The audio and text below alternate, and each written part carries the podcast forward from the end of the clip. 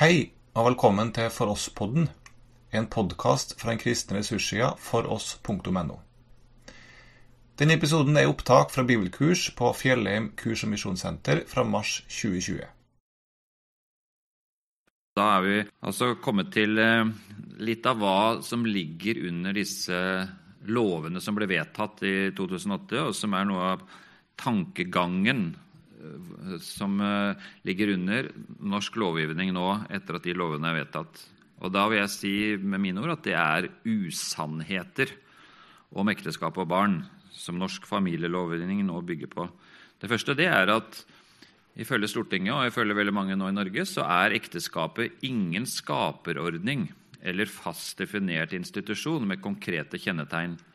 Ekteskapet er en elastisk institusjon, en sosial konstruksjon, som man pleier å si, som det rådende stortingsflertall har mandat til å definere og omdefinere som de måtte ønske. Ekteskapsdefinisjonen den er bare avhengig av hva Stortinget har flertall for. Så hvis Stortinget etter hvert sier at ekteskapet kan også være for tre eller fire, så, så er ekteskapet det. Og andre muligheter. Og det, det viktigste er at uh, de har tiltatt seg, uh, Stortinget og politikerne, uh, definisjonsretten og definisjonsmakten over dette begrepet, som jo eksisterte lenge før det var noen politikere som levde. Lenge før det var stater og nasjoner. Det er Fra tidenes morgen så har ekteskapet vært for mann og kvinne, bl.a. fordi det er bare gjennom den relasjonen det blir født barn. Altså Ikke bare relasjonen ekteskap, men mann og kvinne. Og Det har jo vært institusjonalisert i alle samfunn, fordi staten har veldig stor interesse av at barn vokser opp under gode og stabile forhold med sine biologiske foreldre. Men eh, det er ikke norsk eh, offisiell eh, lære og politikk lenger. Så nå er det altså stortingsflertallet kan endre og gjøre som de vil.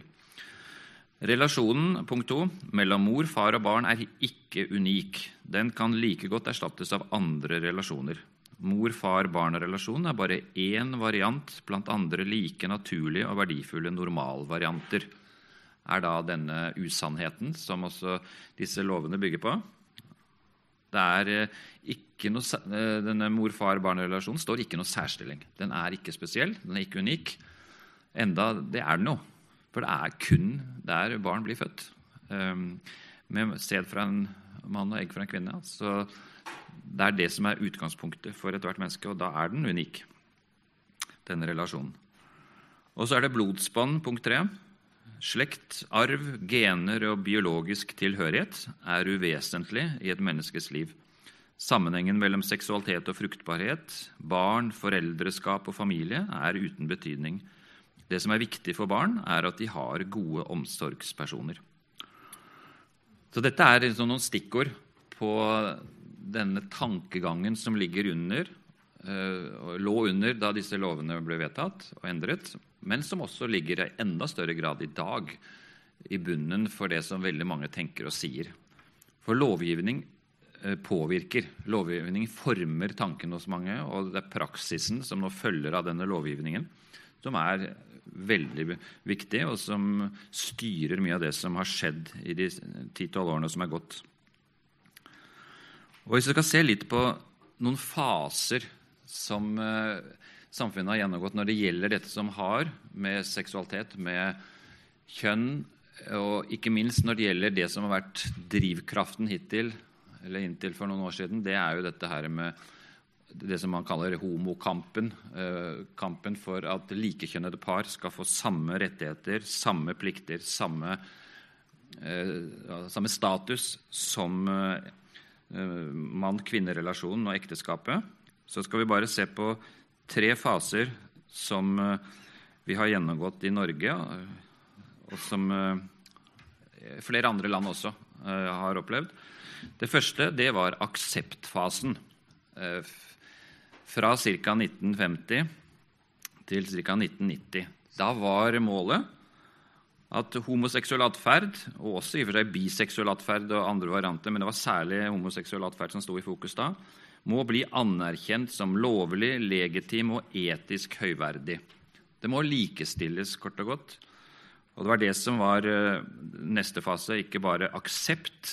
For det, det fant man fort ut det var ikke nok. Det skulle likestilles. Og Da fikk man altså likestillingsfasen fra ca. 1990 fram til den nye ekteskapsloven kom i 2008.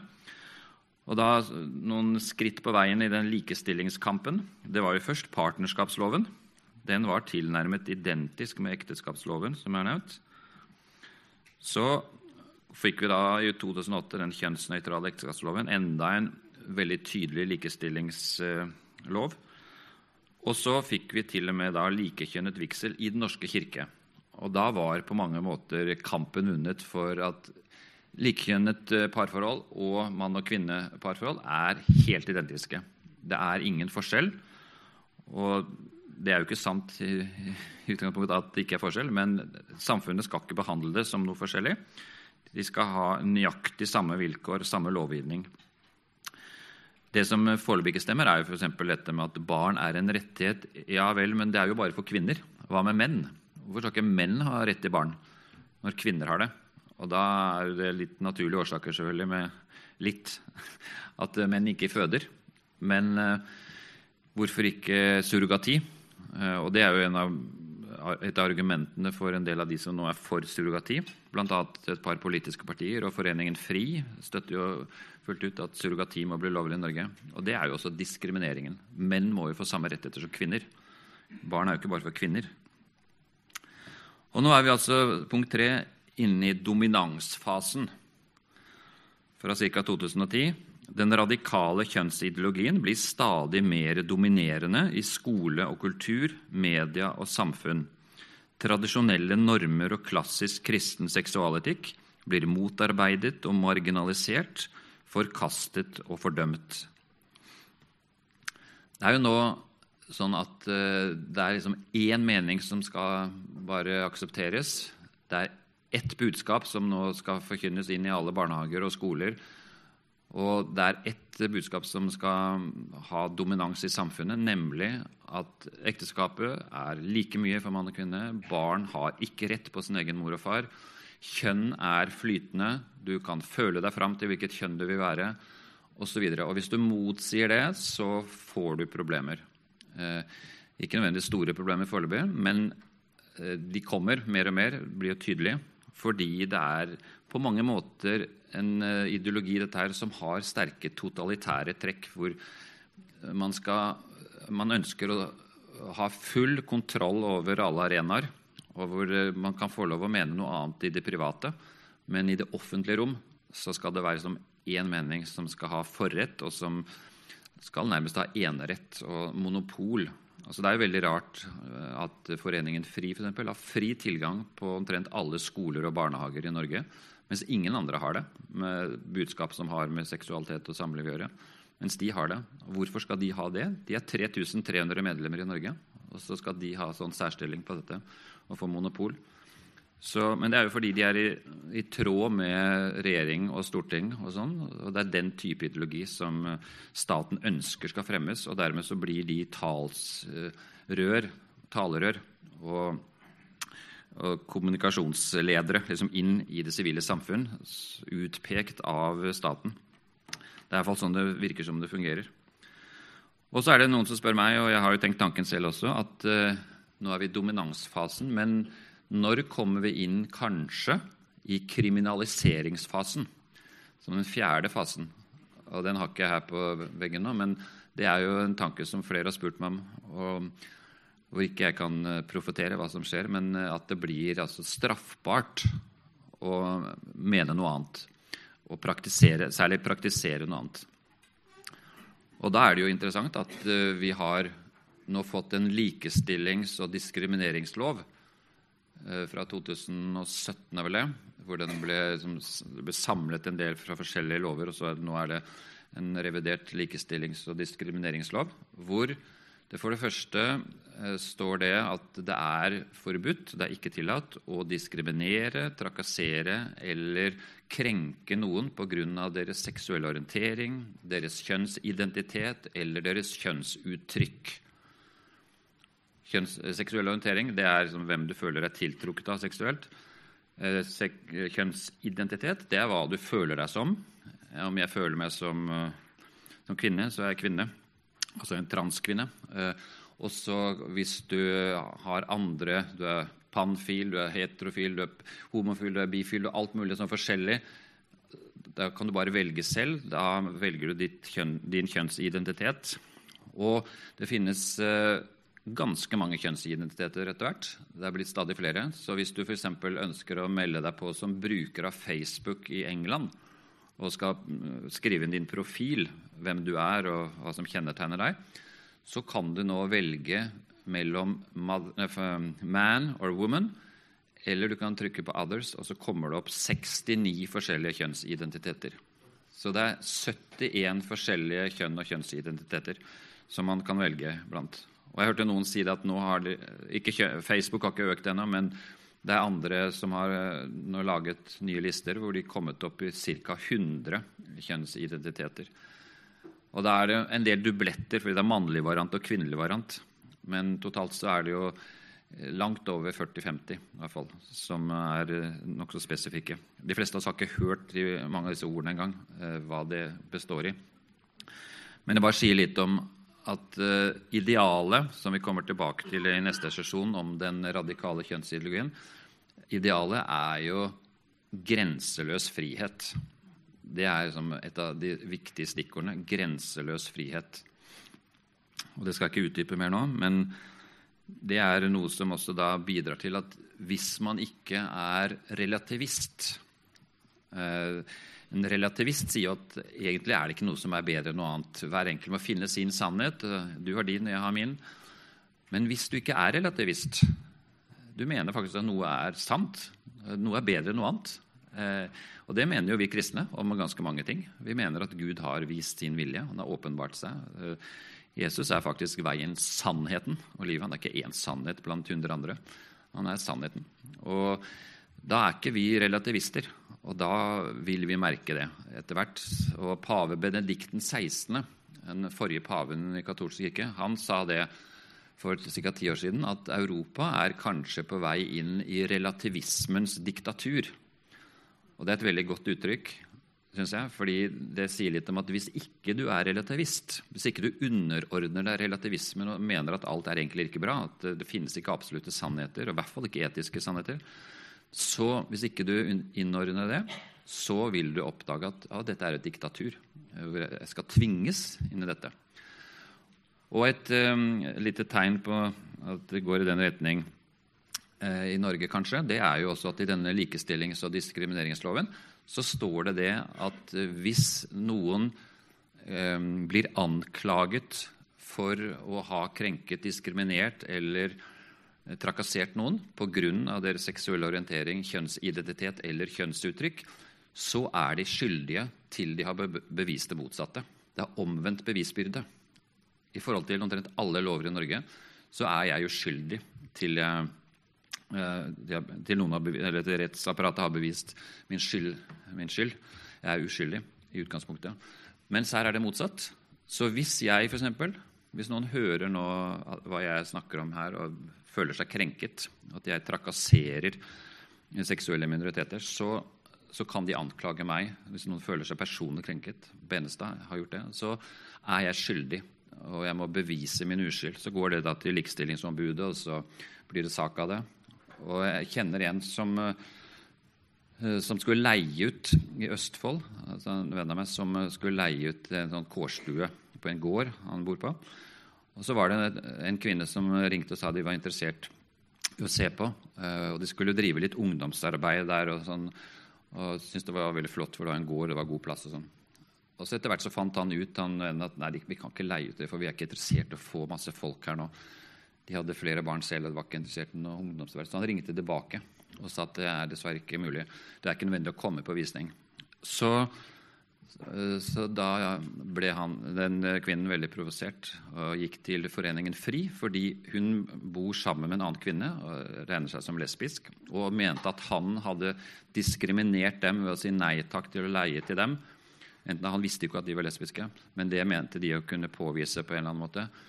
Så gikk de da til Likestillingsombudet. Foreningen FRI tok saken.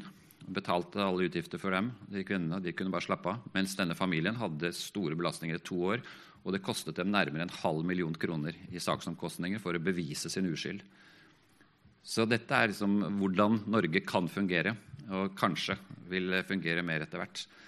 Så ikke minst også kristne institusjoner og skoler og forskjellige tiltak vil jo stille også ganske svakt med tanke på diskriminering. Altså hvis noen begynner å anklage dem, prøve dem ut.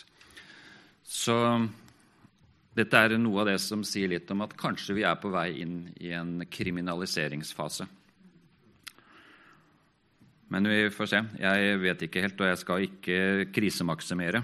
Og det kan, være, det kan komme pendelsvingninger også, og folk kan skjønne at dette går på demokratiet løs. Så vi, vi, får se. Men det er verdt å både be og sette seg inn i tematikken for å være litt rustet, ikke bare for egen del, men for å kunne hjelpe andre og støtte andre, og for å kunne gi råd og være med å be. Og jeg sier jo ikke disse tingene og hele den, alle de sesjonene vi skal ha sammen. Jeg har jo ikke som noe mål å føre dere inn i depresjonen og mismotet og opplevelsen at nå må vi gå i katakombene, folkens. Nå må vi isolere oss fra verden. Nei, det er jo for å realitetsorientere oss og realitetsorientere dere. sånn at eh, det som kanskje kan virke som eh, litt sånn eh, sjokkbehandling, det er ikke ment som noe sånn destruktivt fra min side i det hele tatt. Og jeg synes jo noe av det som er viktig å huske på her, som er ikke bare viktig, men det er helt fundamentalt viktig, det er jo at Gud sitter på tronen uansett. Det er han som er Herren. Gud har oversikten, kontrollen, han vet hva som skjer. Og jeg tror personlig at det kan komme gode ting også ut av dette. altså Ikke nødvendigvis for samfunnet, men jeg tror kristenfolk i Norge de kommer til å våkne etter hvert. De er nødt til det, og da blir det mer og mer avhengighet av hverandre. Vi blir tvunget sammen, og det tror jeg kan bli en veldig god opplevelse for mange av oss. Vi blir mer avhengige av å be for hverandre, støtte hverandre, gi hverandre råd. I det hele tatt eh, være lemmer på samme kroppen eh, på en ny måte. Og så tror jeg at vi blir mer avhengig av Gud. For vi trenger så mye visdom og ledelse og kraft og kjærlighet til å stå i en ny situasjon og være villig til å betale en pris. Og da er vi nødt til å søke Gud for å stå fast. Så Et av mine favorittvers i denne sammenheng det er jo det som Paulus sier i 2. Timoteus 1,7. Gud ga oss ikke en ånd som gjør motløs. Vi fikk ånden som gir kraft, kjærlighet og visdom, står det i 2011-oversettelsen. Sindighet står det også andre steder. Men kraft, kjærlighet og visdom. Og Det er tre veldig gode ord for denne sammenhengen vi nå snakker om. Vi trenger kraft for å stå fast, for å vite at dette er verdt å betale en pris for. Og så trenger vi masse kjærlighet til å møte våre medmennesker og til å speile Jesu kjærlighet, selv om eh, folk misliker oss og motarbeider oss. Og så trenger vi visdom. Vi trenger masse visdom hele tiden. Det vil komme så mange dilemmaer og så mange spørsmål som det er vanskelig å vite sikkert svar på. Altså Ikke sånn prinsipielle svar om hva vi mener rett og galt, men i praksis hvordan skal vi forholde oss i møte med mennesker og i møte med mange situasjoner. Så vi er ikke kalt til å være motløse og ikke til å være eller kan si mismodige. Ikke mismodige og ikke hovmodige men frimodige. Det er veldig artig ordtrio. Ikke mismodig på en ene side, synes synd på oss selv og være, ja, være veldig motløs. Og heller ikke hovmodig og mene at vi er bedre enn andre, men frimodig. Og frimodig er jo et veldig flott ord. Det har med å være fri og det har med å være modig. Begge deler er jo gode bibelske egenskaper og kvaliteter. Da skal vi se litt på Den norske kirke. Skal Vi ta litt, vi er ikke riktig ferdig, men kvart over ni har jeg snakket med møtelederen. at Da er det sånn passe tid cirka. Er dere med på det også? Kvart over ni? Er det, da er det ikke overtrøtte, og da er det ikke så seint ennå. Så da får man fortsatt litt av kvelden. Da skal vi se litt som sagt, på Den norske kirke og hva som skjedde der. Og hva som er, fortsatt skjer. Fra ca. 1990 så begynte eh, debatten omkring likekjønt samliv, homofili, eh, å gå i kirkelige organer. Det hadde vært avisartikler, og folk hadde diskutert det før det også, men det var da det begynte å bli sånn en større sak som kirkelige organer i Den norske kirken, som bispemøte, kirkemøte, lærenemnda, og andre bispedømmeråd begynte å befatte seg med.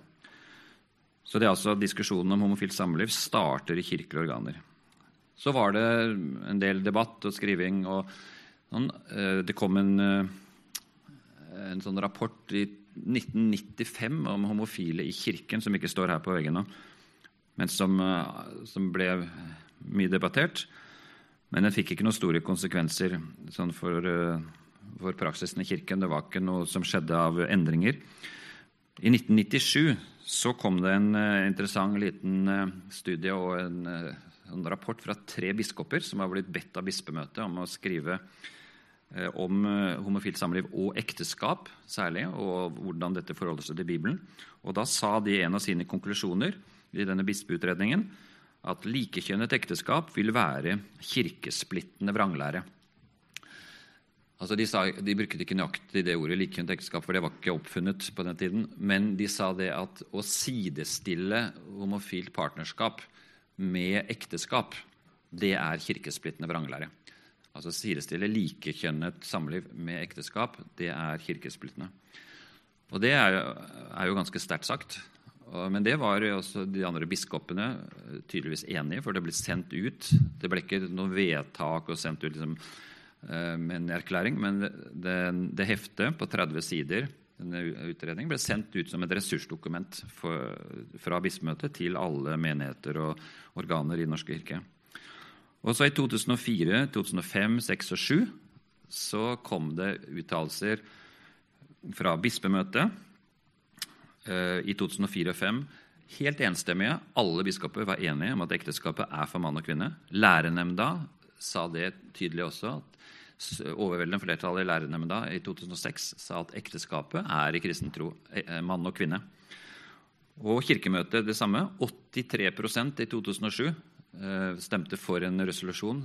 Det var i forbindelse med at staten nå begynte å forberede og legge til rette for at denne nye loven om ekteskap skulle innføres. Og Da sa Kirkemøtet med 83% flertall at ekteskapet i vår kirke og i kristen teologi er for mann og kvinne. Og det var jo da meningen hos de aller fleste, at ekteskapet er for mann og kvinne, fram til en utredning kom i 2013. Så de, de hadde holdt på i fire år. For Bispemøtet hadde nedsatt en komité, et eh, utvalg, da i 2009. Etter at hadde, og Stortinget hadde vedtatt disse nye lovene om ekteskapet, så følte Bispemøtet at vi må utrede grundigere hvordan skal vi møte dette. Og Da anbefalte det utvalget, et kirkelig samlivsutvalg, anbefalte kjønnsnøytral teologi og liturgi. Vi bør følge staten, sa da det utvalget. Og det, det var et utvalg som vi visste på forhånd sannsynligvis ville komme til den eh, konklusjonen, fordi det var et ganske liberalt sammensatt utvalg. Bispemøtet hadde valgt ut personer som på, vi på forhånd visste var liberale. mange av dem. Så dette var jo helt, helt tilfeldig, egentlig. Hvis jeg hadde valgt noen andre personer, så hadde resultatet og konklusjonen vært annerledes. Men det virka som de ønsket en liberal konklusjon, og derfor så valgte de sånne personer. Og så ble det da intens debatt i Kirken fram til 2017. For det var først i 2013 at Kirken begynte å diskutere ekteskapet. Fram til da så hadde de diskutert eh, alle mulige organer, og kristne generelt hadde diskutert homofilt samliv. Er det etisk eh, forsvarlig ifølge Bibelen? Men de hadde ikke diskutert om ekteskapet kan være det samme som, som to av samme kjønn, eller at to av samme kjønn kan være ekteskap. Det var først tema, tema i 2013 og utover. Så på fire år så snudde altså de fleste organ, eller alle organer i Norsk kirke, og ikke minst Kirkemøtet, og også mange mange prester, snudde da i løpet av disse fire årene. Og det er ganske raskt til noe så grunnleggende som hva et ekteskap er i bibelsk forstand. Så da, i januar 2017, som altså er tre år siden, så vedtok Kirkemøtet å innføre likkjønnet teologi og liturgi. Og det er jo en, eh, si, en kjensgjerning at eh, det har ikke bare norske kirker gjort, men også noen andre kirker, de tre nordiske folkekirkene, eh, eller skandinaviske folkekirkene, og et par kirker i Tyskland og USA. Men ellers så har ingen andre kirkesamfunn i verden gjort det. Så langt jeg vet i fall. Det er bitte små kanskje noen som har gjort det uten at jeg har hørt om det. Men det var en undersøkelse av, gjort av Vårt Land for noen år, fire-fem år siden som viser det at kun 2% av verdens kristne tilhører kirkesamfunn som har omdefinert ekteskapet. 2 Eh, Det var før Den norske kirkejule, så kanskje vi kan si at det er 3 nå. muligens. 3% i verden av kristne tilhører kirkesamfunn som har gjort det Den norske kirke har gjort. Så de av oss som da ikke er enig med Den norske kirke, hva de har gjort, eh, vi er blant de 97 prosentene i majoritet i verden som eh, tilhører da kirken som er enig med at ekteskapet er for mann og kvinne. Så i global sammenheng så er Den norske kirke helt, på, helt marginalisert. Si, sånn og den svenske kirken også, og den danske. For de har så få meningsfeller rundt om i verden. Og det er jo interessant at den svenske kirken har f.eks. nå mistet eh, relasjonen til den russisk-ortodokse kirke. Ved at Den russisk-ortodokse kirke regner nå den svenske kirken som vranglærende og anerkjenner ikke lenger dåp, dåp i den svenske kirken. Så hvis en svenske fra den svenske kirken kommer til Russland eller vil bli russisk-ortodoks, så må han døpes om igjen. Og Det er første gang på 500 år. For både katolsk og ortodoks kirke har anerkjent luthersk dåp. Ja, sikkert de fleste andre kirkesamfunn står på også, eh, så lenge det er gjort i Faderens, Sønnens og Helligåndens navn. Og det har jo vår kirke også gjort. Mens nå har russisk-ortodokse kirke kommet fram til det at det kan de ikke gjøre lenger. Eh, så, og de har jo mistet også kontakten og Norske kirke. Tror jeg snart også mister det med flere andre lands lutherske kirker. Eh, Mekane Jesu-kirken i Etiopia, som er verdens største lutherske kirke, den har jo brutt relasjonen med den amerikanske lutherske kirken. De taper millioner av dollar hvert år i støtte, men de vil heller stå på sannheten enn å, å få denne støtten. Da. Så det er jo ganske tøft gjort av en fattig kirke å si nei takk til noen millioner dollar i året. Så det sier litt om alvoret de også opplever i disse tingene. Og ekteskapsteologien er jo noe av det mest universelle vi har i den kristne kirke. Eh, det er noe alle kirkesamfunn absolutt alle kirkesamfunn har vært enige om i 2000 år. At ekteskapet er for mann og kvinne. Vi kan ha mange forskjellige meninger om uh, dåpssyn, om nattvær, om kirkeordning, om karismatikk, alt mulig. Men ekteskapet, det har alle vært enige om. Og Derfor har de også de aller, aller fleste anerkjent dåp og sånn hos hverandre. Fordi ekteskap, og, og ekteskap også, i og for seg. Må ikke giftes om igjen fordi om du kommer til et annet land eller en annen kirke. Så dette er et, sånn et eh, felleskirkelig mm, punkt, dette med ekteskapet, som uh, foreløpig da nå har funnet uh, ja, Det er en kile som er ført inn i kirkekroppen, men den er veldig liten foreløpig, da. Så jeg tror personlig at det kan godt være at de fleste av disse kirkene som nå fortsatt holder fast på ekteskapet, at de vil gjøre det også i framtida. Men det får vi se. Det det kan være at det rakner hos flere. Men så er det også viktig å si sånn at ikke det, det er usagt, at Den norske kirke, når de nå har anerkjent eh, at ekteskapet er noe annet også enn mann og kvinne, så er det lov fortsatt å mene at ekteskapet kan være bare mann og kvinne. Altså jeg, Kona mi for eksempel, hun er diakon i en menighet i Norske kirke. og Hun er helt enig med meg, støtter meg 100% Men hun er med som diakon fortsatt, fordi hun har lov til å mene akkurat det hun vil, forkynne det hun vil. Hun har mye samtaler. og Hun for, formidler en bibelsk ekteskapsforståelse. og Det har hun lov til. Ingen kan stoppe henne. Og Sånn er det mange prester også, som fortsatt er eh, solide, gode, konservative prester. De har lov til det, men spørsmålet er hvor lenge det kan være. Nå I svenskekirken så er det jo alvorlige forslag vært oppe på kirkemøtet også, at det bør ikke være mulig for folk å få jobb i den svenske kirken hvis de ikke vil vie likekjønnede par. Eh, altså Det blir yrkesforbud for pres, eh, prester som, som, står for den bibelske teologien. Så det, det er en, et scenario som er veldig sannsynlig kommer, tror jeg, også til Norge etter hvert. Men ting kan skje. Det, det er jo ikke lineært, og sånt, alt er forutbestemt her. Så vi får se hva som skjer. Men i hvert fall er dette noe av det som da er bakgrunnen for det som nå er tilfellet i Norske kirke. Og grunnen til at det skjedde i 2017, det var jo ikke minst fordi kirke, jo valgordningen til Kirkemøtet og bispedømmerådene ble endret. Fram til 2015 så var det menighetsrådene som nominerte kandidater og stemte på, eh, på hvem som skulle inn i Kirkemøtet og inn i bispedømmerådene. Men fra 2015 så var det en ny organisering hvor alle som er medlemmer i Kirken, alle 3,8 millioner, kan stemme. Og hvor det var mulig å stemme, stemme, på egne lister. Det var ikke mulig før. Tidligere var det alltid bispedømmerådene som, og i samråd med menighetsrådene som satte opp listene. Eh, eller én liste, med det. En liste. Men nå ble det mulig for flere, og da kom altså Åpen folkekirke med, med egne lister. og greide å mobilisere masse folk som vanligvis ikke går i kirka. Og Den norske kirke har jo et gedigent problem og utfordring ved at en tredel av medlemmene i Den norske kirke er ateister. De tror ikke på Gud. Eh, men de er blitt døpt en gang, og så har de ikke meldt seg ut. Det har jo kommet i flere undersøkelser. Den seneste var i fjor. Det sto omtalt i Vårt Land eh, med en stor artikkel at det er vel 36% av Kirkens medlemmer tror ikke på Gud. Og det er klart at Når du får mobilisert en del av dem også, for dette her var liksom politisk ladet, de var veldig interessert i å bidra til at Den norske kirke skulle bli mer liberal, så fikk du masse stemmer fra den type mennesker også, uten at noen vet hvor stor prosentdel av dem som deltok. Så det er litt uh, sånn omkring dette. Ja, jeg skal ikke nå begynne å lese opp alt som står her, men dette er en veldig fin uh, dokumentasjon på hva Den norske kirke mente fram til 2017, da den nye forståelsen av ekteskap ble innført.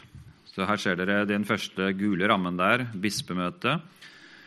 Ni av elleve biskoper uttaler da disse setningene som står her. og Det er veldig nyttige og gode setninger som beskriver hvordan klassisk kristen teologi om ekteskapet er. Og det samme med bispedømmerådene, bispeutredningen under bildet der som jeg nevnte, om at det å sidestille er eh, kirkesplittende vranglære. Så Kirkemøtet og Kirkerådet og Lærenemnda, som eh, i årene da fra 2004-2005 og så framover til 2017 har sagt disse tingene. Og som er en fin eh, sammenfatning og dokumentasjon på, på hvor stor endringen har vært bare på noen få år. Og over, over bildet og i den ingressen der så står det også litt om uh, statistikken, hvor mange, hvor, hvor, overveldende flertallet var for å forsvare denne eh, teologien om ekteskap. Så det setter i ganske sterkt relieff til det som nå er situasjonen. Det som er sikkert, det er jo at uh, det som har skjedd i samfunnet, og det som også nå har begynt som en prosess innad i Den norske kirke, med ikke bare å oppløse ekteskapsforståelsen, men også relativisere andre aspekter ved samlivsetikken og seksualetikken, det er at dette er en skikkelig utfordring. Og det er en utfordring som går på flere plan. For hovedutfordringen i debatten om samliv og ekteskap er ikke homofili, men den nye, radikale kjønnstenkningen. Denne kolliderer med grunnleggende sannheter i kristen samlivsetikk.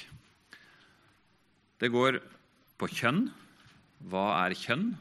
Og er, Finnes det to kjønn, skapt i mann og kvinne? Eller finnes det mange kjønn? Kan vi bestemme kjønnet vårt bare med hva vi føler?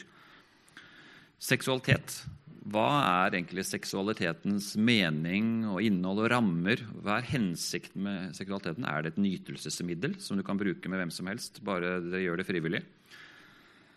Som jo stadig flere mener. Foreldreskap. Hvem er foreldre? Hvordan blir man foreldre? Det har med barn Vi har vært litt inne på det og kommer mer tilbake til det også. Med barns rettigheter og hvordan blir barn til.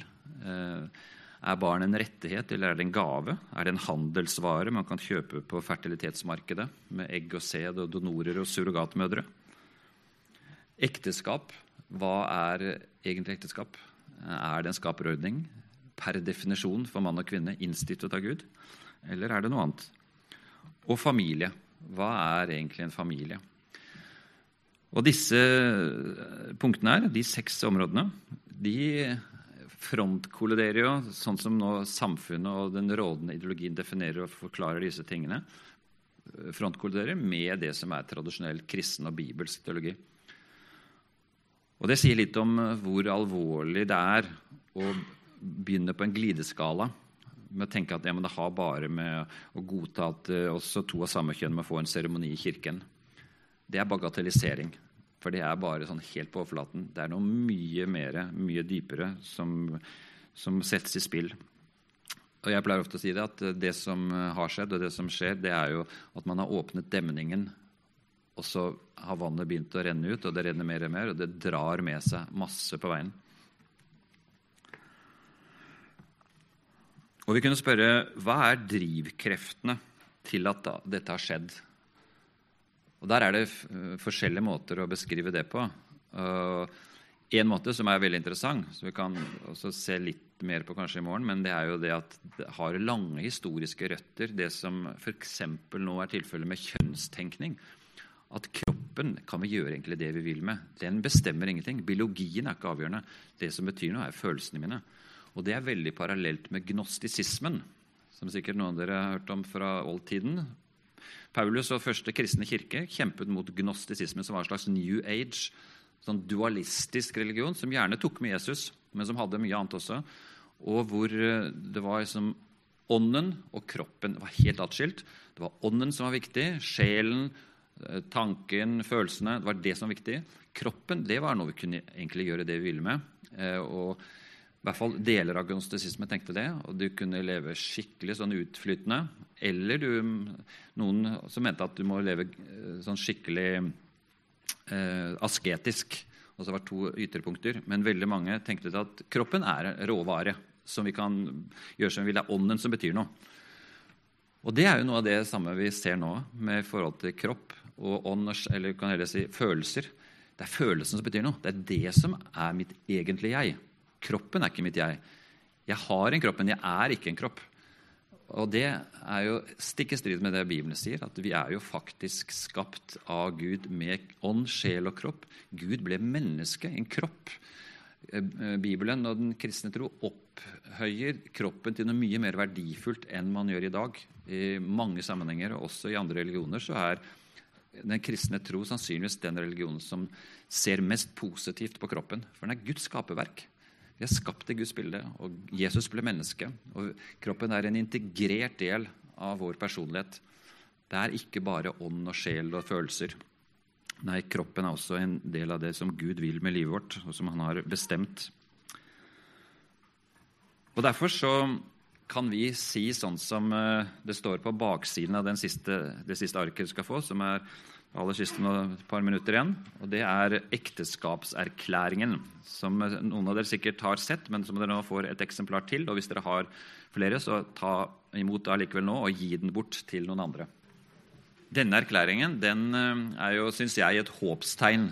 Fordi denne erklæringen den er utarbeidet og utgitt av 36 forskjellige kirkesamfunn og organisasjoner. Det står på baksiden. Der ser dere lista over alle som er med.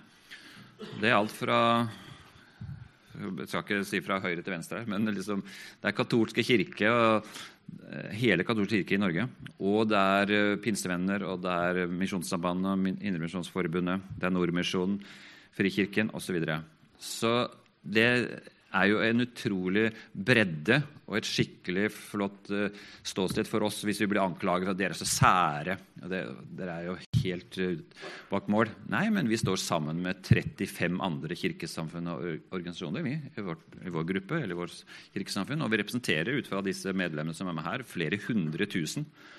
Bare katolske kirke har jo 170 000 medlemmer. Så det er uh, masse folk som er med i disse sammenhengene som står bak denne erklæringen. Og Jeg vil sterkt anbefale dere å lese denne grundig. Ikke bare sånn å kikke på den og si ok, den kjenner jeg nå til. Men her er det mye verdifullt stoff. og Ta den gjerne med i en bibelgruppe eller i en annen sammenheng. Vi kan prate om den og Bruk et par gruppemøter på å jobbe gjennom eh, det som står her. Og Denne finnes jo også på nynorsk. Jeg har ikke denne med på nynorsk, men den finnes også i nynorsk utgave. Og vi har laget den på engelsk også. Og Dere kan få med sånn, bare vanlig papirark med hele oversettelsen på engelsk, og så får vi den snart i brosjyreform hvis dere ønsker å ha med noe engelsk eh, oversettelse av samme. Og den ligger jo på nett også. Så dette tenker jeg, det er også en del av det som har skjedd i Kirken de siste årene. Eh, den er nå tre år gammel, den her. Men den er ikke dessverre blitt brukt så aktivt som vi hadde håpet. og Derfor så vil jeg be dere om, hvis dere har mulighet og syn for det, at denne er det verdt å, å både studere og prate om og bli kjent bedre med. Da er vi kommet til uh, veis ende i denne første hovedstasjonen. Da sier jeg takk for uh, at dere både kom, at dere var så oppmerksomme, at dere deltok. Og så vil jeg be en bønn til slutt. Så la oss be sammen. Kjære Herre Gud, vi takker deg fordi du har skapt oss til å tilhøre deg. Takk fordi vi er skapt med ånd, sjel og kropp. Takk fordi du har også skapt eh, ordninger som vi skal leve innenfor. Ikke for å plage oss, men for å leve livet sånn som du hadde tenkt, sånn som du har designet. Og jeg ber, Herre Jesus, om at du som er vår frelser og kalt oss til å følge deg, at du vil gi oss både frimodighet at du vil gi oss glede og lydighet i etterfølgelsen av deg. Takk, Jesus, fordi vi får følge deg både gjennom vanskeligheter, gjennom mørke skoger, ja, gjennom dødsskyggens dal, men også til hvilens vann og opp på høydene. Takk, Jesus, at eh, det er det rikeste i livet å følge deg. La det også gjelde, Herre, på dette området av livet som er krevende, og som virkelig står under angrep nå i vår tid. Men hjelp oss å tro dypt at du vil vårt beste.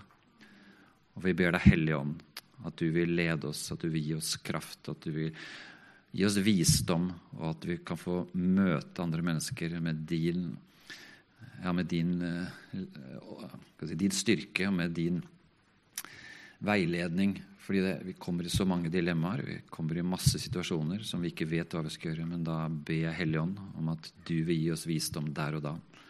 At du vil hjelpe oss til å vitne, sånn som Jesus, eh, Jesus, sa at dere skal få kraft når Den hellige ånd kommer over dere, og dere skal være mine vitner. Takk, Jesus, og takk, Herre Far, og takk, Hellige Ånd, fordi vi får tro på deg, den ene sanne, treenige Gud, og følge deg og leve i fellesskap med deg. Amen.